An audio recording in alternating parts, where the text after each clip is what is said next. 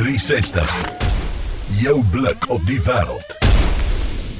Dit is die 16 dae van aktivisme teen geweld teen vroue en kinders en die groot vraag staan, hoe breek 'n mens daardie siklus van geweld? Dit is nie net die gevalle waar 'n persoon aangeval word byvoorbeeld, ehm um, en dit is 'n 'n persoon wat hulle nie ken nie, 'n vreemdeling, dit is natuurlik groot groot kwessie binne gesinne met die persoon wat jy ken wat jou mishandel. Ons het vir Margriet Holtzhausen in die ateljee. Sy is die uitvoerende direkteur van die Trauma Sentrum vir Survivors of Violence and Torture hier in Woodstock en sy is ook 'n senior maatskaplike werker. Baie welkom Margriet. Baie dankie Marlies, is wonderlik om in die ateljee te wees vir 'n slag. Lekker, fantasties. Bietjie bietjie uit Woodstock uitkom seepunt toe. Ja.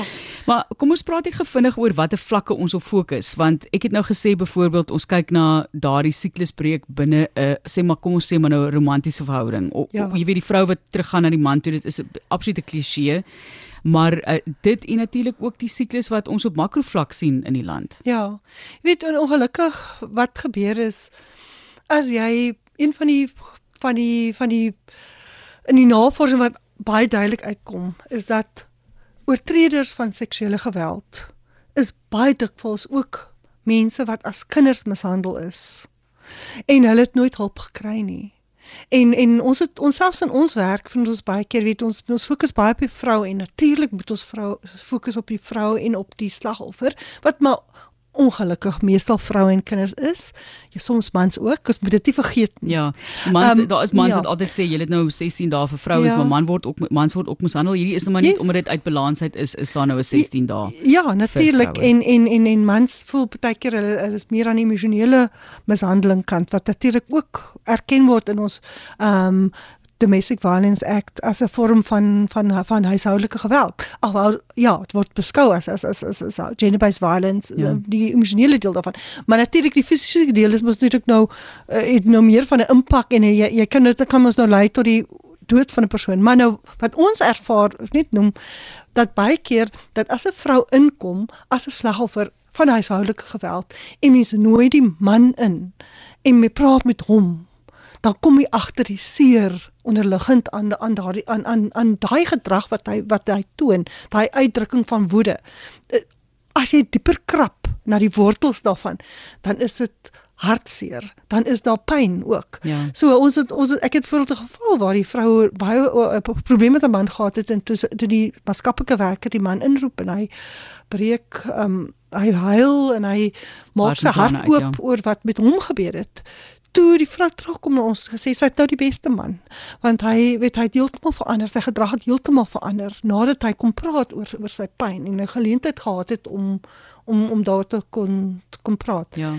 En die- groot ding is, jy weet, in in daai hele konteks is of as scenario's jy dit gebruik, ja, 'n persoon moet verantwoordelikheid neem, maar dit is ook belangrik om te weet hoekom die persoon dit doen. Dit val nie net uit die lug uit nie, dit kom Yes. van iewers af. On, ons sê altyd die verskil tussen 'n verskoning en 'n verduideliking. Ja. As 'n verduideliking is nie verskoning nie. Jy kan nog steeds kies. Maar maar dit jy, jy moet ook ons moet ook verstaan as ons kyk na makrovlak, soos jy nou sê op 'n samelewingsvlak. Wat is die elemente wat lei tot geslagsgebaseerde geweld en wat lei tot geweld oor die algemeen wat as jy nou kyk in Suid-Afrika laas jaar was daar hoeveel ek nou hier neergeskryf 50 52000 uh uh waar is dit nou? Ehm um, ek dink dit was uh was dit was nou net van die die die ehm um, sexual offences. Ja, 52000 is dit seksuele seksuele oortredings. Ja. Was daar 52000 landwyd. En in in in die moorde is net so hoog en dit is dit, dit is ons maar altyd net alle simptome van die geweld. So wat baie belangrik 'n deel is van hoe om my siklus te breek is om ook goeie beradingsdienste beskikbaar te hê vir gemeenskappe. Nou as mens nou dink wie kan help vir ons vir al ons gemeenskappe wat wat nie so breed het nie, wat nou nie mediese fonds het waar hulle ehm um, so kundiges en maatskaplike werkers kan sien wat wat hulle kan beraad nie. En as jy hulle sover kry om te gaan na 'n sielkundige toe. Ja, want dit is nou vir die ja. ander saak is die kultuur. Daar's nie regtig 'n kultuur van gaan vir berading, nie, maar kom ons sê nou net mense wil gaan vir berading. Wie is beskikbaar? Daar's maar hier een of twee sielkundiges by klinieke. Hoeveel mense kan hulle sien? Daar's een maatskaplike werker vir elke in die Weskaap nou en vir elke 20 skole. Ons maatskaplike werkers in die gemeenskap is maar meestal gefokus op kinderbeskerming en statutêre werk. Daar is maar 'n paar van ons ons ons het gelukkig baie oulike departement van maatskaplike dienste wat wat wat wat kyk hulle victim empowerment soos hulle noem, um slagoffer bemagtigings um program wat hulle hardloop. So daar is berading maar nog steeds daar is so baie mense wat hulp nodig het. En um ons moet ons moet vir al die kinders ons het as ons baie keer as ons werk in skole dan soos dit so um tragies dat as jy 'n groep het van 20 helfte van die kinders tekens van van dat hulle selfdood oorweeg. Jy weet, so dit is dit is nogal erg want nou moet vir ons wat, wat want nou het jy skielik in 'n groep van sien nou net 20 het jy 10 kinders wat jy moet dringend beraad want jy weet nie hoe ernstig is daardie daardie gedagtes en hoe ver hulle al gedink het aan aan aan, aan om ja. om hulle self seer te maak nie. So belangrik. Ehm um, Ja, die groot tekort aan maatskaplike werkers is is 'n baie groot krisis in die land. Ek toe ek die dokumentêr gedoen het, 'n dokumentêr gedoen het oor tik was dit een persoon vir drie dorpe en en dis ja. onmoontlik ja. om dit alles self te dek ja. en dan sit daardie maatskaplike werkers nog met hulle eie trauma wat hulle deur moet werk maar ons praat oor die jy het verwys na ge, bewysgebaseerde praktyke ek raak baie prakties as 'n mens by so 'n punt kom om te kyk hoe mens iets kan oplos. Jy weet 'n mens kan baie praat oor wat die oorsake daarvan is. Nou moet jy op 'n manier dit omkeer. Aanspreek. Hoe spreek ons dit aan deur sogenaamde bewysgebaseerde praktyke? So ja, ek dink dit is baie belangrik wat wat is daai een ding om berading vir mense te gee. Jy kan nou ook na iemand luister, 'n leekpersoon kan ook na iemand luister, maar of is is die, is die praktyke wat ons is die benaderings wat wat daar is uh, in in die gemeenskappe is dit uh, is dit bewys gebaseer met ander woorde bewys bewys gebaseer beteken navorsing is navorsing is gedoen en dit bevind dat daar regtig ware impak is as 'n uh, na aanleiding van die van die berading. En ek wil spesifiek praat oor soos hulle nou in Engels ons praat van PTSD En in Afrikaans is dit uh is dit um posttraumatiese stresversteuring. PTSD. En dit is 'n 'n 'n 'n verstoring wat gebeur as jy trauma beleef het. Trauma is nou as jy iemand as jy amper dood was of as jy baie ernstig aangerand het, seer gekry het, as iemand naby jou seer gekry het, dan kan jy in in daai skok ingaan van die trauma, maar as dit nou langer duur as 'n maand tot 1 tot 3 maande, dan dan begin mense praat van PTSD, PTSD. En dit is niks help daarvoor. As jy jy kan met iemand praat soveel as jy wil, dit gaan nie help om my persoon te kry dat hulle kan wegbreek uit daai absolute beperkende simptome van van van hierdie verstoring nie.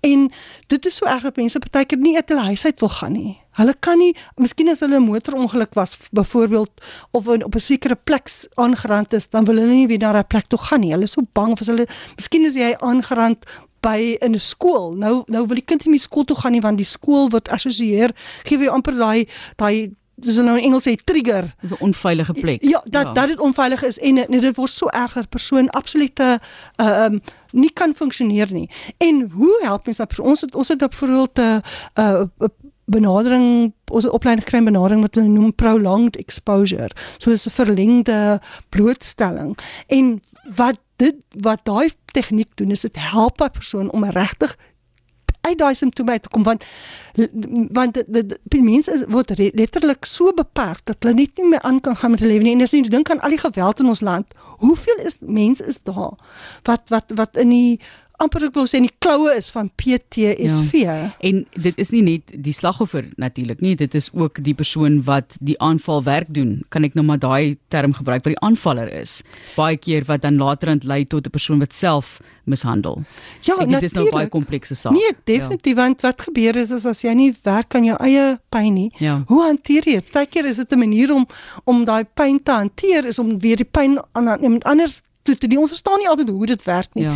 Maar voorbeeld as jy nou kyk na PTSD, een van die simptome is ook jy kan woede uitbarsings kry. So as jy miskien blootgestel was aan baie trauma en jy jy jou manier om daarop te reageer, woede uitbarsing, dan word jy nou weer die weer die weer die aanvaller dan word jy nou weer die oortreder. Seer mense maak seer. Dis nou eintlik 'n Engelse stelling, né? Nee? Maar ja. uh, ons gesels met Margriet Holzhausen, Holzhausen, sy is uitvoerende direkteur van die Trauma Center for Survivors of Violence and Torture torture mense in Woodstock. Hoe baie mense sien julle nou op 'n weeklikse basis? So ons ons sien ons is nou op die oomblik is ons 10 maatskaplike werkers en ja op 'n weeklikse basis ek weet ek kan nie soveel sê nie maar op, 'n jaarlikse basis sien Ja. ons omtrent so ons min of meer 2500 mense Sjoe. wat ons Groot taak. ja individueel maar ook groep berading voor doen en dan doen ons ook opleiding ons lei uh hierdie wonderlike wonderlike mense vrywilligers by polisiestasies wat help vir slagoffers van Ja. ja. verkrachting op 'n vrywillige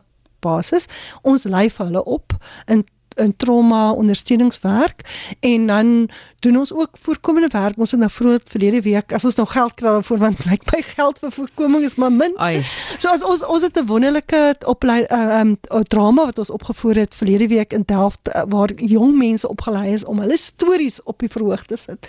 En die reaksie van die gemeenskap was absoluut elektries. Hulle was so deel, hulle het so deelgeneem met met dit. En na die tyd het ons ook gevra vir mense om te reageer en van die jong mense het opgestaan en gesê wat daar op die verhoog gebeur, dit is my lewe. In my huis gaan dit so. En ek ek het daai pyn wat daai jong mense uitgedruk het. En dit is so ek kan nou ook sê ek het daai pyn want iemand het op die verhoog gepraat oor die pyn. So dis die tipe goed wat ons meer van moet doen mense. die mag om daarvan om jou storie te deel is so groot. Jy kan gaan kyk op traumacenter.org.za.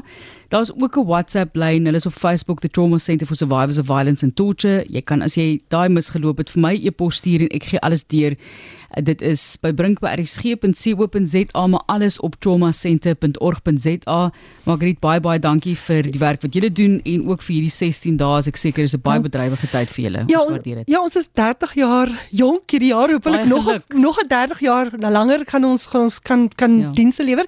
En ons het nou donderdag het ons 'n groot koöperatiewe besigheidsete um, by die Blouberg Beach Hotel. En as enige iemand belangstel om meer daarvan te weet, jy kan vir my skakel direk. My nommer is 082 828 7813. So enige iemand kan met my kontak maak as jy weer meer wil betrokke raak by wat ons doen, nog vrae het, jy is welkom om my te skakel. Hoe fantasties fantasties toeganklik Margriet om te gaan en te sê hier's my selfoonnommer as maatskaplike werker wat klaar so baie dra in terme van werk en hulle eie simptome wat hulle moet deurgaan met die werk wat hulle doen. Ons sê vir julle baie dankie weer eens. Wat doen ons sonder julle?